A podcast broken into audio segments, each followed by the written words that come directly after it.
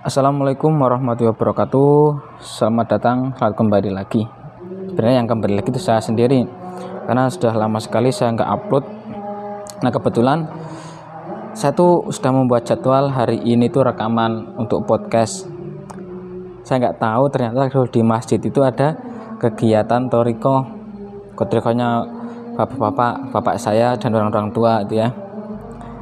Ya gimana lagi? Jadi mohon maaf apabila uh, suaranya agak terdengar noise ya gitu ya. Tapi nggak apa-apa. Oke di sini saya akan membahas tentang pentingnya psikologi warna dalam branding dan pengenalan merek. Nah ini adalah konsep warna untuk branding. Mengapa hal ini penting? Tentunya warna ini menjadi elemen penting karena menciptakan kepribadian atau identitas dari merek. Jadi kalau uh, ada merek ini warnanya biru merek ini ciri khasnya warnanya kuning. Nah, kita akan bahas ada berapa uh, pentingnya psikolog warna itu. Yang pertama, warna itu dapat meningkatkan pengenalan merek. Sudah banyak sekali sebuah penelitian yang menunjukkan bahwa warna ini mampu memberikan pengenalan merek sing hingga 80%. Jadi, tidak banyak produsen produk yang beralih ke psikolog warna untuk uh, launching sebuah brand. Karena warna ini sangat penting sekali loh Contoh eh, dengan kata lain sebuah kopi Starbucks warnanya apa? Hijau. Logo Starbucks itu tanpa ada tulisan Starbucks hanya dengan logo saja kalian pasti akan mengenali. Itu yang namanya pengenalan dari warna. Terus ada juga kopi. Kopi logonya plek dengan Starbucks tapi warnanya kuning. Apa kalian akan percaya? Enggak pastinya nggak percaya. Soalnya brand Starbucks itu adalah membranding menggunakan warna warna hijau. Ini sangat bagus sekali buat ke kalian yang sedang membuka bisnis.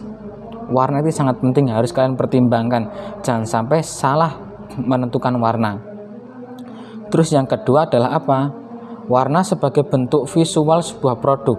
Maksudnya bagaimana?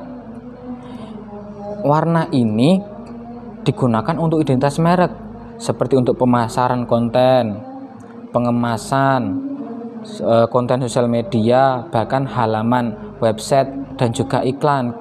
Contoh kita lihat eh, brandnya Tokopedia.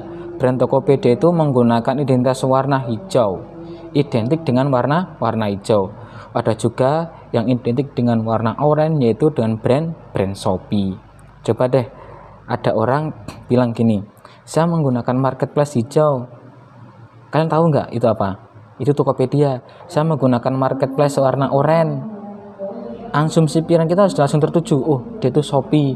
Saya menggunakan marketplace warna uh, apa ya?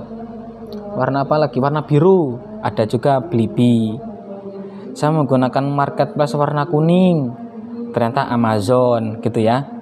Terus yang ketiga Warna ini mampu menyerap budaya atau citra merek produk ataupun layanan. Jadi, orang-orang ini lebih cepat memahami warna ketimbang kata-kata. Contoh, ada juga nih. Sosial media yang identik dengan warna biru dan warna putih, kalian pasti tahu apa itu? Facebook. Terus ada juga layanan musik streaming, menyediakan podcast, dan juga video komersial identik dengan warna hijau. Kalian pasti akan tertuju dengan apa? Spotify. Nah yang keempat warna ini sebagai bentuk perbedaan dengan pesaing. Jadi untuk membedakan Tokopedia menggunakan warna put, e, hijau Shopee menggunakan warna oranye Blibli menggunakan warna warna biru. Ini untuk membedakan. Nah jadi kalian apabila memiliki bisnis contoh bisnis pisang goreng. Pisang goreng si A itu sudah menggunakan warna biru. Bisnis kalian pisang gorengnya jangan menggunakan warna biru. Tapi imbangilah warna biru itu memiliki uh, warna yang adem ya.